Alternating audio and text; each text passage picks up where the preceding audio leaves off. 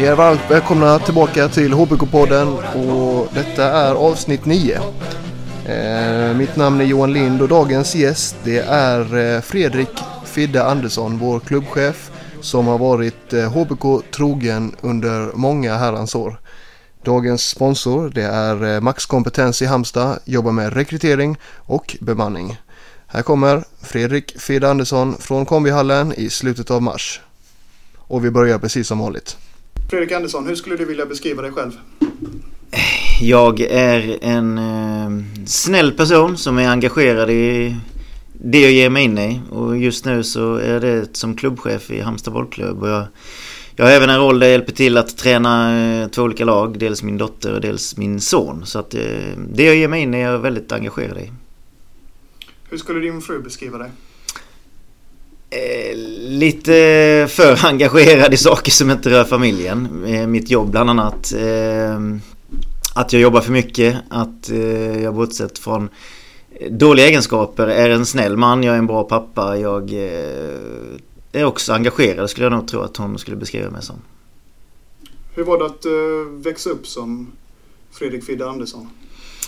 Oh, det har jag aldrig funderat kring. Eh, det var nog inte olikt någon annan eh, kille eller för den delen tjej i den tiden. Jag eh, hade en bra uppväxt med bra kontakt med båda mina föräldrar och mina syskon. Och mina föräldrar skildes tidigt och jag hade fortsatt bra kontakt med båda. Jag bodde på båda ställena. Och, så det kan väl beskrivas som en, en lycklig barndom om det nu finns det. Så att, Var i Halmstad växte du upp någonstans? Eh, jag föddes en bit utanför Halmstad eh, på en gård där och sen när, när morsan och farsan skildes så flyttade jag egentligen med morsan in till stan först och sen köpte, köpte vi ett hus i Snöstorp. Och även om jag då fortfarande hade rum på båda ställena så var det mest hos min mor jag var i min, i min vardag. Det var närmare till träningar och sådär. Det var lite enklare att hantera rent praktiskt. Vad gör du när du inte jobbar för HBK? Ja, men det gör jag nästan alltid. Jag, eh, jag gör inte så mycket annat än att eh, jobba för HBK. Den lilla tiden som blir över ägnar jag åt mina barn och eh, engagerat följer min ena dotter som spelar i Astri och min andra dotter som jag tränar allt mindre tyvärr men eh, hon spelar i Centern och så är jag då hjälper till att träna min grabb i, i HBK så att den tid som blir över ägnar jag åt mina barn och deras hobbys kan man säga. Vad har du för musiksmak? Det, det känns som du är en eh, Bruce Springsteen-kille. Ja, det är inte långt ifrån. Jag är en eh, Lundell-kille. Jag, eh, jag har nog sett Lundell eh, ungefär 35-40 gånger live. Så att eh, Lundell är det, det jag helst sätter på om jag skulle välja musik hemma. Om jag nu får göra det, för barnen är etta, tvåa, trea på, på, eh, när det gäller musik hemma. Har du gjort lumpen? Nej, jag ryckte jag skulle rycka in. Jag väntade tills idrottsplutonen kom till Halmstad och när jag väl ryckte in så startade jag, eller skulle rycka in så start, hade jag startat mitt första företag. Så att det sammanföll lite olyckligt så jag bad om att få slippa lumpen och det, det gjorde jag efter tre dagar så, så slapp jag det. Eller slapp, jag, jag fick inte göra det utan jag, jag klarade mig. Friställd ja. Hur aktiv är du på sociala medier? Nej men det är ju allt för dålig. Jag eh, har lovat mig själv många gånger och andra för den delen att bli bättre på det och försöka komma igång. Jag, jag har aldrig haft behov av att själv eh, skriva någonting eller är inte heller så nyfiken på vad andra skriver utan jag eh, har prioriterat annat istället och jag känner inte att jag har haft tid till det men i takt med, med tiden så börjar man väl... Jag får bli en modern människa helt enkelt och engagera mig lite mer i sociala medier. Brukar du googla dig själv? Nej, det har hänt ett fåtal tillfällen eh, i livet men ja, det är ett antal år sedan senast. Vad dyker upp då? Usch, jag minns inte. Det, jo, men var det, inte, det var någon annan som hette Fredrik Fidde Andersson om det var en... Usch, vad var det? Nej, men det är en tennisspelare. Det tror jag det Jag minns inte så noga. Det är länge sedan som sagt. Idag är du klubbchef. Ja. Ett litet tag till. Vad gör en klubbchef?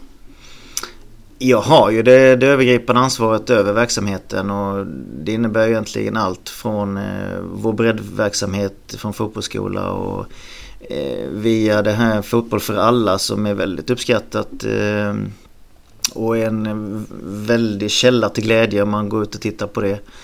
Eh, och vi har flickverksamhet och vi har nu mera dam också upp till då vår elitverksamhet. Så att eh, övergripande ansvar för hela verksamheten och jag ska fungera som länk mellan styrelsen och deras beslut ner till att de eh, utförs i, i verksamheten. Är det en typ av eh, VD-roll egentligen? Det, det är en, egentligen, man kan likställa det med VD-tjänst ja, exakt.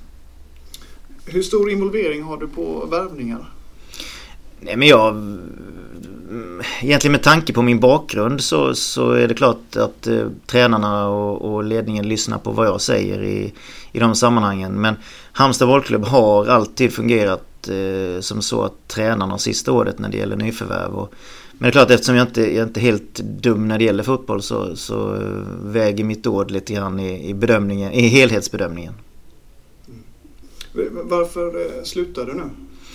Ja men jag, det, det, är inte helt bestämt att jag slutar eller när jag slutar utan eh, eh jag kände väl här efter eh, det jobbiga 2015 att allt, eh, det, det, var lite tungt och det Energin eh, försvann lite grann för mig och jag kände väl att det, jag ville på något sätt konkurrensutsätta min egen roll i, i det här och Därför sa jag upp mig och jag gjorde dels på grund av energitapp kanske men också för att eh, när jag tog uppdraget så tänkte jag mig att det kommer handla om fotboll. Jag kommer få jobba med fotboll och, eh, och det är egentligen där jag, jag känner att jag har något att tillföra Halmstad bollklubb.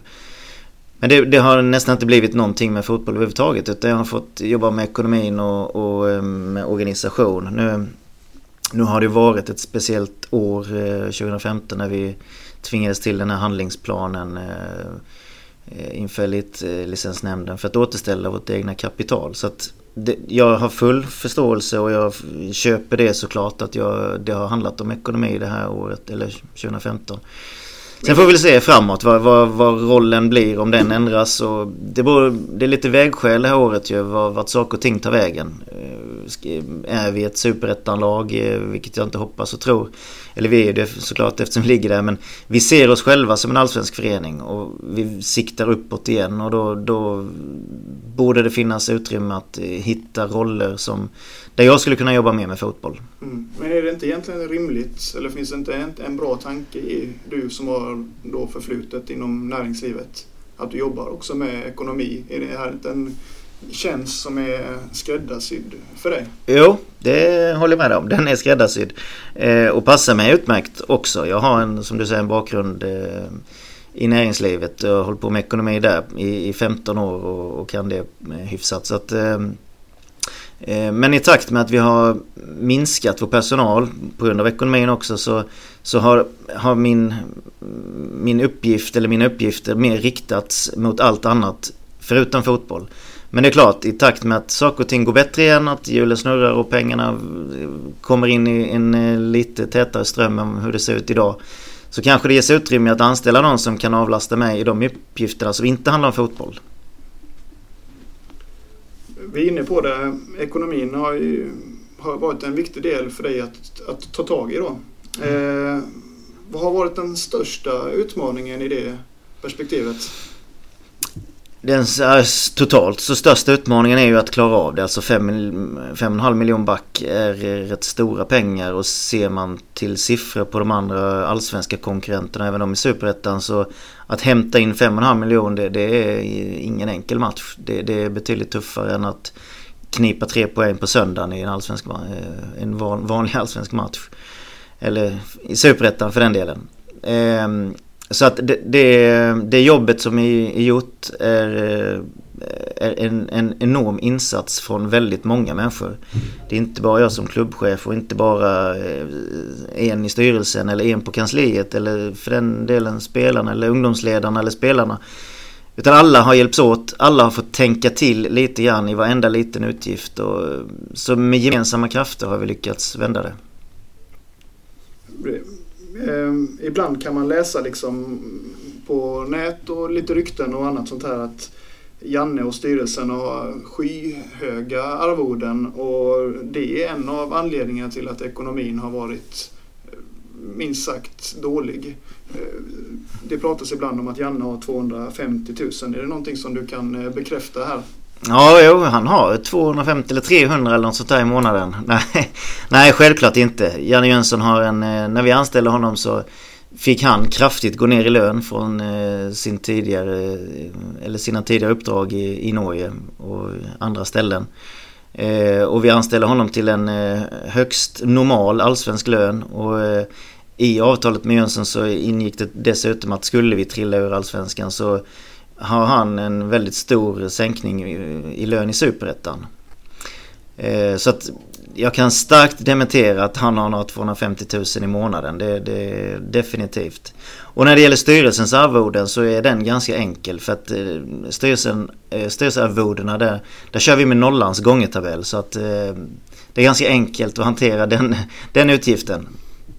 Men vi, hur stort ekonomiskt tapp är det egentligen att åka ner från allsvenskan ner till superettan?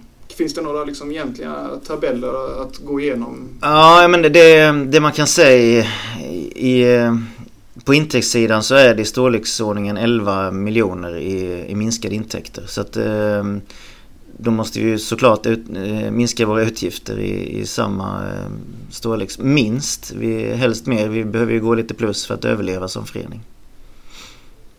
Hur mår HBK som förening just idag? Det finns eh, en positiv anda i, i hela föreningen som, som känns behaglig. Det är allt från, eh, jag, jag hör nerifrån eh, vår ungdomsverksamhet eh, och hela vägen upp till vårt A-lag och, och, folk runt omkring och inte minst damlaget som har kommit in nu med en enorm energi i, i föreningen så, så eh, finns det en eh, positivitet som är härlig. Det, det, det känns väldigt bra. Sen Sen har vi lyckats släcka branden så att, eh, med ekonomin så att vi, vi har överlevt eh, 2015. Men faran är inte över. Det kan eh, komma efterbränder lite överallt så att vi, vi måste fortsatt se över varenda liten kostnad och måste tänka oss för i varje litet beslut. Eh, alltså hundralappar blir snabbt tusenlappar som, som liksom en snöboll som rullar iväg så att vi vi måste tänka på varenda liten utgift även, även framåt. Hur har det blivit så som det har blivit egentligen? Jag tänker HBK för 10-15 år sedan var en väldigt välmående förening. Mm, ja, det, det, är sant. Och på den tiden så var det en, en annan transfermarknad. Eh, HBK har sålt spelare för ja, över, ja, över 200 miljoner tror jag. Men transfermarknaden har ändrats. Det är inte lika eh, höga belopp vid, eh, vid olika försäljningar. Ehm, och de här stora försäljningarna görs egentligen enbart med topplag idag i Allsvenskan. Och det vet vi ju alla att vi är inget topplag som det ser ut i, idag. Vi siktar att komma dit igen. Men eh, vi är inte där. Och för att komma dit så behöver vi göra väldigt många bra saker och det, det börjar med ekonomin och vi ska bygga en trupp och ett lag som tar, för det första tar sig upp i Allsvenskan och sen kan stabilisera sig och klättra i Allsvenskan och då kan vi börja sikta mot de här talen igen där, där det är höga intäkter och eh, där föreningen mår bättre. Med vilka i dagsläget är HBKs största utmaningar? Den, den största, eh, eller den första, det, det är ekonomin. Vi måste överleva eh, rent ekonomiskt och det, det är en match i sig. Eh, sen kommer den, eh, den på plan att vinna superettan eller bli två i superettan. Eller för den saken skulle bli trea och få kvala upp. Det, det är det vi siktar mot och det är det vi absolut vill allihopa här. Och, eh, det är en eh, tuff utmaning. Det är inte så enkelt bara att man är ett topplag i Superettan bara för att man kommer från Allsvenskan. Utan det, det är många lag som har eh, eh som har gått andra vägen och till och med trillat ner i division 1. Och det, det känner jag väl att vi, vi har en stark kontroll över situationen. Så att det ska inte behöva hända även om vi är medvetna om att den risken finns. Man ska inte helt blunda för det utan vi, eh, men vi siktar på att eh, ta oss upp i Allsvenskan så fort som möjligt igen det är många lag som, som åker ner, ser på Norrköping för tiotal år sedan, Hammarby. Mm. Som har kanske i vissa fall också mer ekonomiska muskler än HBK. Mm. Hur tänker ni i det läget? Nej men vi ser man historiskt i oavsett land. Det, det är väl Spanien egentligen där, där de två eh, största då Real Madrid och Barcelona har varit ledande under väldigt, väldigt lång tid. Nu är Atletico där och nosar liksom. Men annars är det, tittar man i England så är det Leicester idag liksom som eh, ligger bäst till att vinna den ligan. Och jag brukar ta upp eh, som exempel, eh, alltså 2000 så vann vi allsvensk guld och Malmö trillade ner i superettan. Idag är läget annorlunda. Och det, men det visar, det är 16 år sedan, 17 år sedan. Ehm, så att Alltså det händer, det kan vända ganska snabbt och vi har väl tagit olika riktning någonstans vi och Malmö men det, det kan vända det också.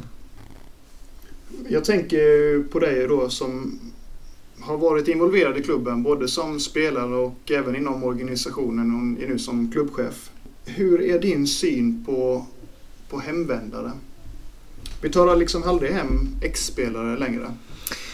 Se Eh. på till exempel Ljungberg, Ante, eh, Gunnar Heidar Thorvaldsson, Mm. Kujovic och nu eh, Dusan. Mm. Vad, vad är felet på HBK? Varför vill ingen hem igen? Ja, men det är nog inget fel på HBK. Det är väl att vi...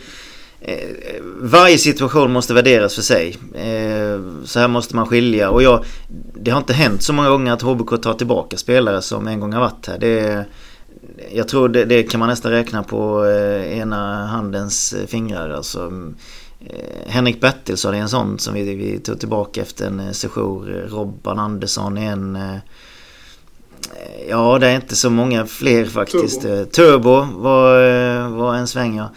Och ibland eh, så vill vi ha hem dem, givetvis. Vi har kontakt med, med de flesta som, eh, som en gång har varit här och som är ute i olika klubbar i, i världen. Eh, och vi vill jättegärna ha dem hit igen. Eh, där vi befinner oss nu så är vi kanske inte den nummer ett för, för den killen som just då är på väg att flytta hem igen. Så har det varit i fallet med till exempel Antigé och eh, Emir eh, ja, och, och några med dem. Den senaste dosen här var en liten speciell situation som jag... eh, Ja, egentligen inte, jag vill inte prata om någon av de här situationerna men jag, den ligger så, så nära i tid och jag var så starkt inblandad i den själv så att eh, Jag kan bara beklaga att Dosan inte spelar i Halmstad bollklubb. Det, det är en... Eh, Var det förvånande att han inte skrev på? Eh, Ja, det tycker jag. Det tycker jag. Det var förvånande. Och eh, samtidigt som eh, om man ska vara helt ärlig så var Dusan inte exakt den spelartypen som, som vi sökte eller som vi eh, egentligen behöver just nu. Där jag känner att eh, Dusan hade konkurrerat med Sead till exempel. Och jag ser ju en mer spännande spelare i Sead än, än vad jag ser i Dusan kanske. Ehm, men ehm, Självklart alla bra fotbollsspelare vill vi ju ha till oss i Halmstad bollklubb men vi, vi vill inte eh, riskera eh, föreningen ekonomiskt eller på något annat sätt att ta hem dem till vilket pris som helst. Och, och eh, tar man in en spelare så, av den kalibern så det måste stämma in i vår lönepolicy och inom våra ramar för lönebudget. Så att det hade blivit tokigt om vi ska ta hem en spelare och han ska tjäna dubbelt så mycket som eh, som killarna i laget gör idag. Det, det blir fel för, för oss i, i hur vi tänker. Var det så i det här läget också? Ah, jag vill inte säga att det var eh, dubbelt så mycket men eh, ekonomin spelade in. Det, så är det. det. Det är väl bara att vara ärlig med det. Vad- Hur är din syn på truppen idag? Jag tycker väl att eh, rent antalsmässigt så är vi eh, någon eller några färre än vad vi var förra året. Vi, eh, jag tycker att eh, totala spetsen på årets trupp är faktiskt bättre än vad vi, hur vi såg ut förra året. Eh, jag tycker vi har prickat våra nyförvärv eh, på ett utmärkt sätt. Eh, det kanske är tidigt att säga men det vi har sett hittills så har ju Fredrik Olsson och Art, Alexander Utvete varit väldigt, väldigt bra. Adnan Kojic har varit strålande i olika roller. Eh, Rebin Assad har precis kommit hit och men redan visat att det är en kille vi, vi kommer få användning av, eh, av framåt. Och sen vill jag lägga till också att de här killarna vi har från eh, vår egna verksamhet, eh, 19 och till och med 17 pojkar som kommer in och är ju, alltså det är helt strålande att se dem. Det är vilka, vilka enorma talanger vi har i, i vår egna verksamhet. Det är, det är roligt att se. Behöver vi förstärka på något mer? Tittar ni på någonting, några mer Nej men det här är ju en ständig process. Det, vi tittar hela tiden på, eh, på spelare in. Vi vet om att det finns intresse av andra klubbar för spelare ut. Så att det där är en, eh, det är en levande process som, som ändrar sig varje vecka och ibland är någon hetare än någon annan. Och, men vi, vi, har väl, eh, vi har väl scoutat ett antal spelare som vi, vi vet ungefär vad vi har och som vi eventuellt kommer titta närmare på. Och samtidigt som då det svenska fönstret är inte stängt varken ut eller in så att det kan ju hända saker fortfarande och vi har en viss beredskap för det. Som supporter så vill man gärna veta lite visioner för HBK. Mm. Nu har man ju liksom då fått veta att eh, ekonomin ser bättre ut. Nu vill man ta sig upp i Allsvenskan. Eh, det är målet antar jag. Mm. Men hur jobbar man långsiktigt för mål? Vad, vad är HBK om tio år, låt oss säga? Ja, det, tio år är, är långt fram i tiden och eh, vi hade eh, vi har haft diskussioner i, som började i styrelsen först i, i höstas om en ta fram en ny vision. Vår vision eh, tidigare hette 20, 2014 och som rimmade ganska väl med var vi befann oss då. Nu behöver vi ta nya tag i den och vi hade på vår, den här där vi, dagen vi kallade Vi Tillsammans, Tillsammans är vi HBK. Den 9 januari där vi samlade olika delar av föreningen eh, och även utomstående för att ta lite avstamp för eh, en ny vision. Och den, den håller på att arbetas fram. Vi, vi kallar den eh, 2020 och vi har valt att eh, göra ett, ett avstamp där. Så att korta ner den fem år så, eh, så 2020 den, den är under arbete och jag hoppas inligt att vi är ett lag i Allsvenskan då och jag, jag både hoppas och tror att vi är det. Det känns som att vi har den stabiliteten i, i föreningen så att vi ska, vi ska klara av det. En annan grej jag har funderat på det är att eh, Halmstad i sig, tittar vi på, vi kan se på Drott och vi kan se på HBK, som, där publiksiffrorna sjunker. Mm. Vad gör man för att skapa en eh, supporterkultur eller en läktarkultur från ledningens sida?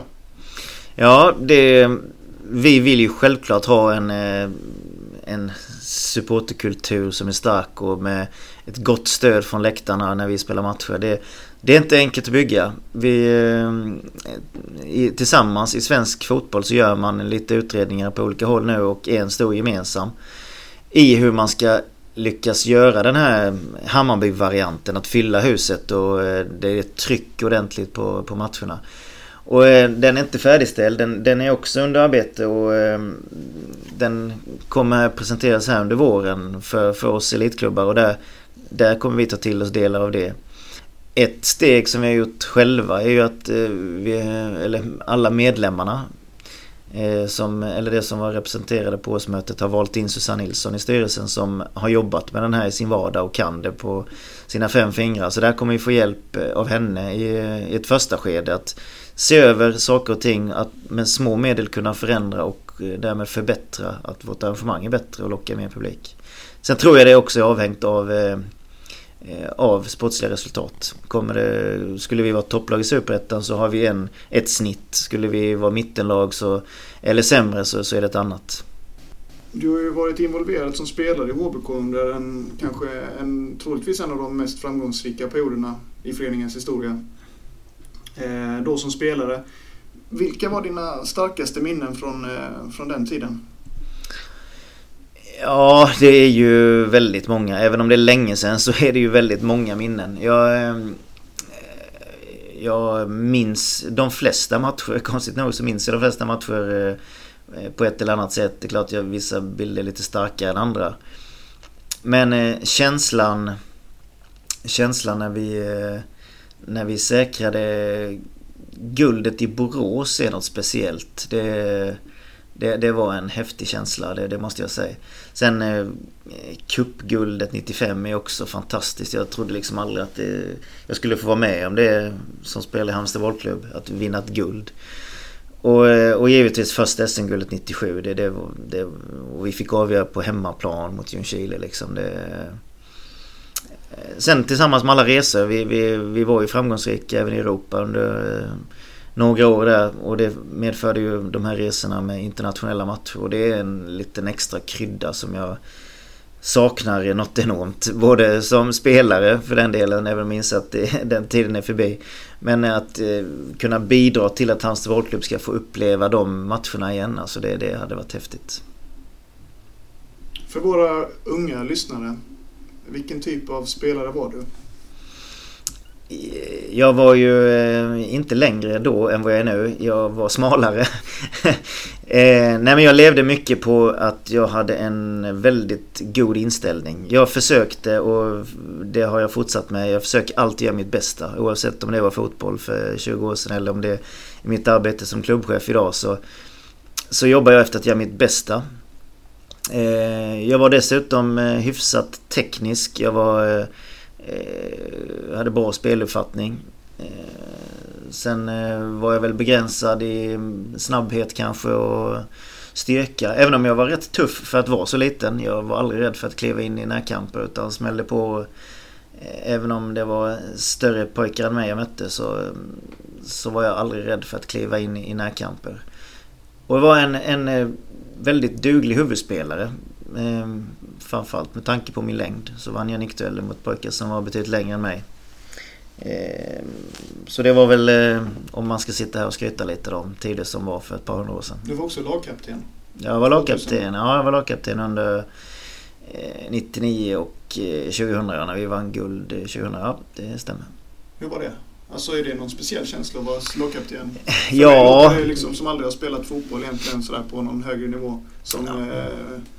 En ledare kanske, men ja. Eh, i övrigt kanske ingen större betydelse. Nej, men i Sverige har det väl mindre betydelse än i andra länder. Och sen är det ju givetvis en, en speciell ära att vara lagkapten och utsedd av eh, dels spelarna. Så man, man utser oftast det här, gruppen utser en, en lagkapten och, eller tränarna och det, det är en ära i sig.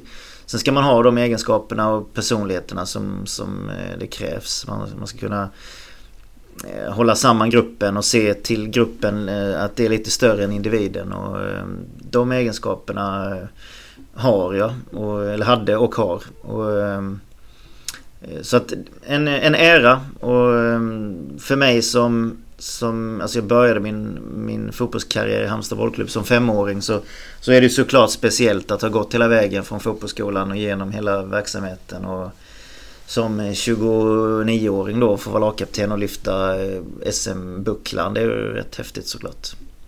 Eh, du är inne på det. Du, du var HBK-trogen egentligen hela karriären. Mm. Fanns det ingen längtan att komma utomlands? Eller till någon annan klubb? Ja, längtan vet jag inte. Däremot så hade jag sett det som väldigt spännande att ha testat på det någon gång. Jag hade lite erbjudanden mellan 97 och ja, faktiskt även 2001 som var mitt sista år eh, i elitfotbollen. Ehm, så att det saknades inte erbjudanden. Däremot var tajmingen aldrig optimal så att det blev aldrig att jag eh, blev proffs. Det, det fanns eh, förfrågningar både från England och, och Spanien och Eh, Frankrike. Eh, och, ja, och så Norge och Danmark. Men det, det, det lockade mig aldrig. Sen kom, när, när frågorna kom så var det feltajmat i livet. Jag hade företag eh, som jag precis, ett som jag precis hade startat eh, 98 och jag hade eh, vi, vi fick vårt första barn 2000 när, när det var ganska aktuellt. Och eh, 2001 så, så, visste jag att vårt andra barn var på väg så att eh, tajmingen var aldrig riktigt optimal tyvärr. Sen i, så i efterhand kan jag tycka att det var lite synd att jag aldrig testade på det. Men eh, någon så längtan eh, har jag egentligen aldrig haft. Jag trivts utmärkt i Halmstad och älskar Halmstad bollklubb. Och eh, Halmstad bollklubb för mig är större än allting annat. Så att eh, det, det skulle vara en Bayern München. Det är, det, det är klass med HBK.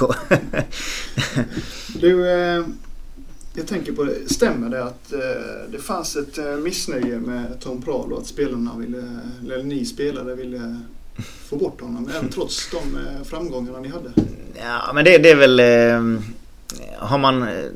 Vi hade Tom i sex år, det är en ganska lång tid i den här världen. Det, det är få tränare som är så länge i samma samma förening. Sen finns det ett undantag som har varit mycket, mycket längre än sex år. Men Eh, för mig är Tom den absolut bästa tränare jag haft. Eh, och då, det är i en väldigt tuff konkurrens. Vi har haft väldigt, väldigt många bra tränare. Ehm, men han är för mig nummer ett och ehm, att det finns ett missnöje. Oftast är det så här, de som, de som spelar gnäller inte så mycket utan det är oftast de som inte är med i, i elvan som, som har lite åsikter och synpunkter. Det var inget undantag i, när vi hade Tom utan det var, det var så där också. Sen, sen var det aldrig så att det fanns ett starkt missnöje. Jag blev besviken på Tom när jag fick reda på att han hade valt eh, Malmö FF som nästa adress. Det var jag inte helt nöjd med. Och det var, då, eh, då, kändes det också som att vi lite gav upp den eh, säsongen. Vi, vi låg nog med i toppen tror jag 2001 men när det blev känt för allmänheten, eller för oss främst, att Tom skulle byta då, då tappade man lite i, i engagemang och kanske en, en viss i, i den här respekten för, för tränaren som, som måste finnas. Så att vi brydde oss inte lika mycket om vad Tom sa när han väl var klar för Malmö. Men, men eh, eh som svar på frågan, det blev ett för långt svar, så, så eh, missnöje finns överallt i alla trupper oavsett om man vinner eller man förlorar. Så att, eh, och, och, med Tom var det ingen skillnad. Men för mig är Tom den bästa tränare jag haft. Jag, jag, tänker på just det här med, med missnöje och med tränaren, vi är inne på det. Eh, ni tog in Janne med, trots att det hade gått över förväntan kanske med Jens. Mm. Hur gick tankegångarna där? Du var ju starkt involverad i den processen. Mm. Ja, ja, men det var jag. Och det, eh, alltså det var ju... Eh, vi gjorde en fantastisk höst där och vi... Eh, alltså jag, jag har sagt det här många gånger att det fanns ju inget missnöje med Jens prestation eller... Utan vi kände att vi behövde ta nästa steg och Janne var en del i vår långsiktiga plan framåt.